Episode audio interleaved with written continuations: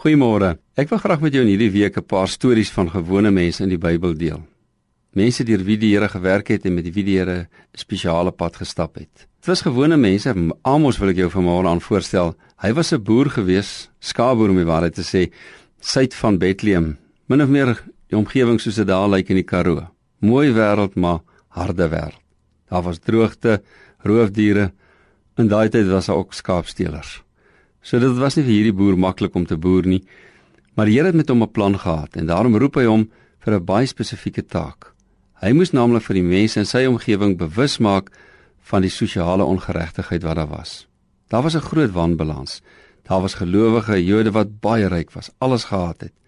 En dan was daar brandarme mense, mense wat dood gegaan het van honger maar ook van ontbering.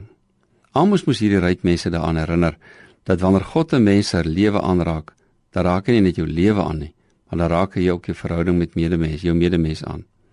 Wanneer die Here jou se gees in jou lewe werk, dan maak hy jou oë oop vir die nood van mense rondom jou.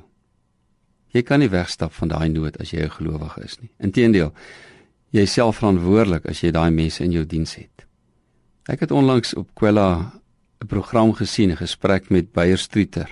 Hy's 'n bekende wynmaker daar in die Boland, 'n boer En toe vra hulle hom aan die einde van die program Beyers, wat is die belangrikste ding in jou lewe?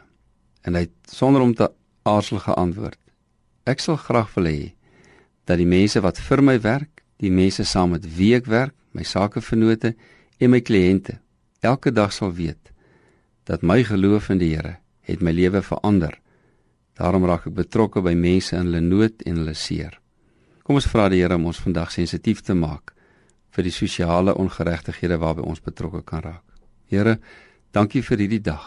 Maak ons oë oop, ons harte oop, ons hande oop vir die seer van mense wat nie het nie. In Jesus naam. Amen.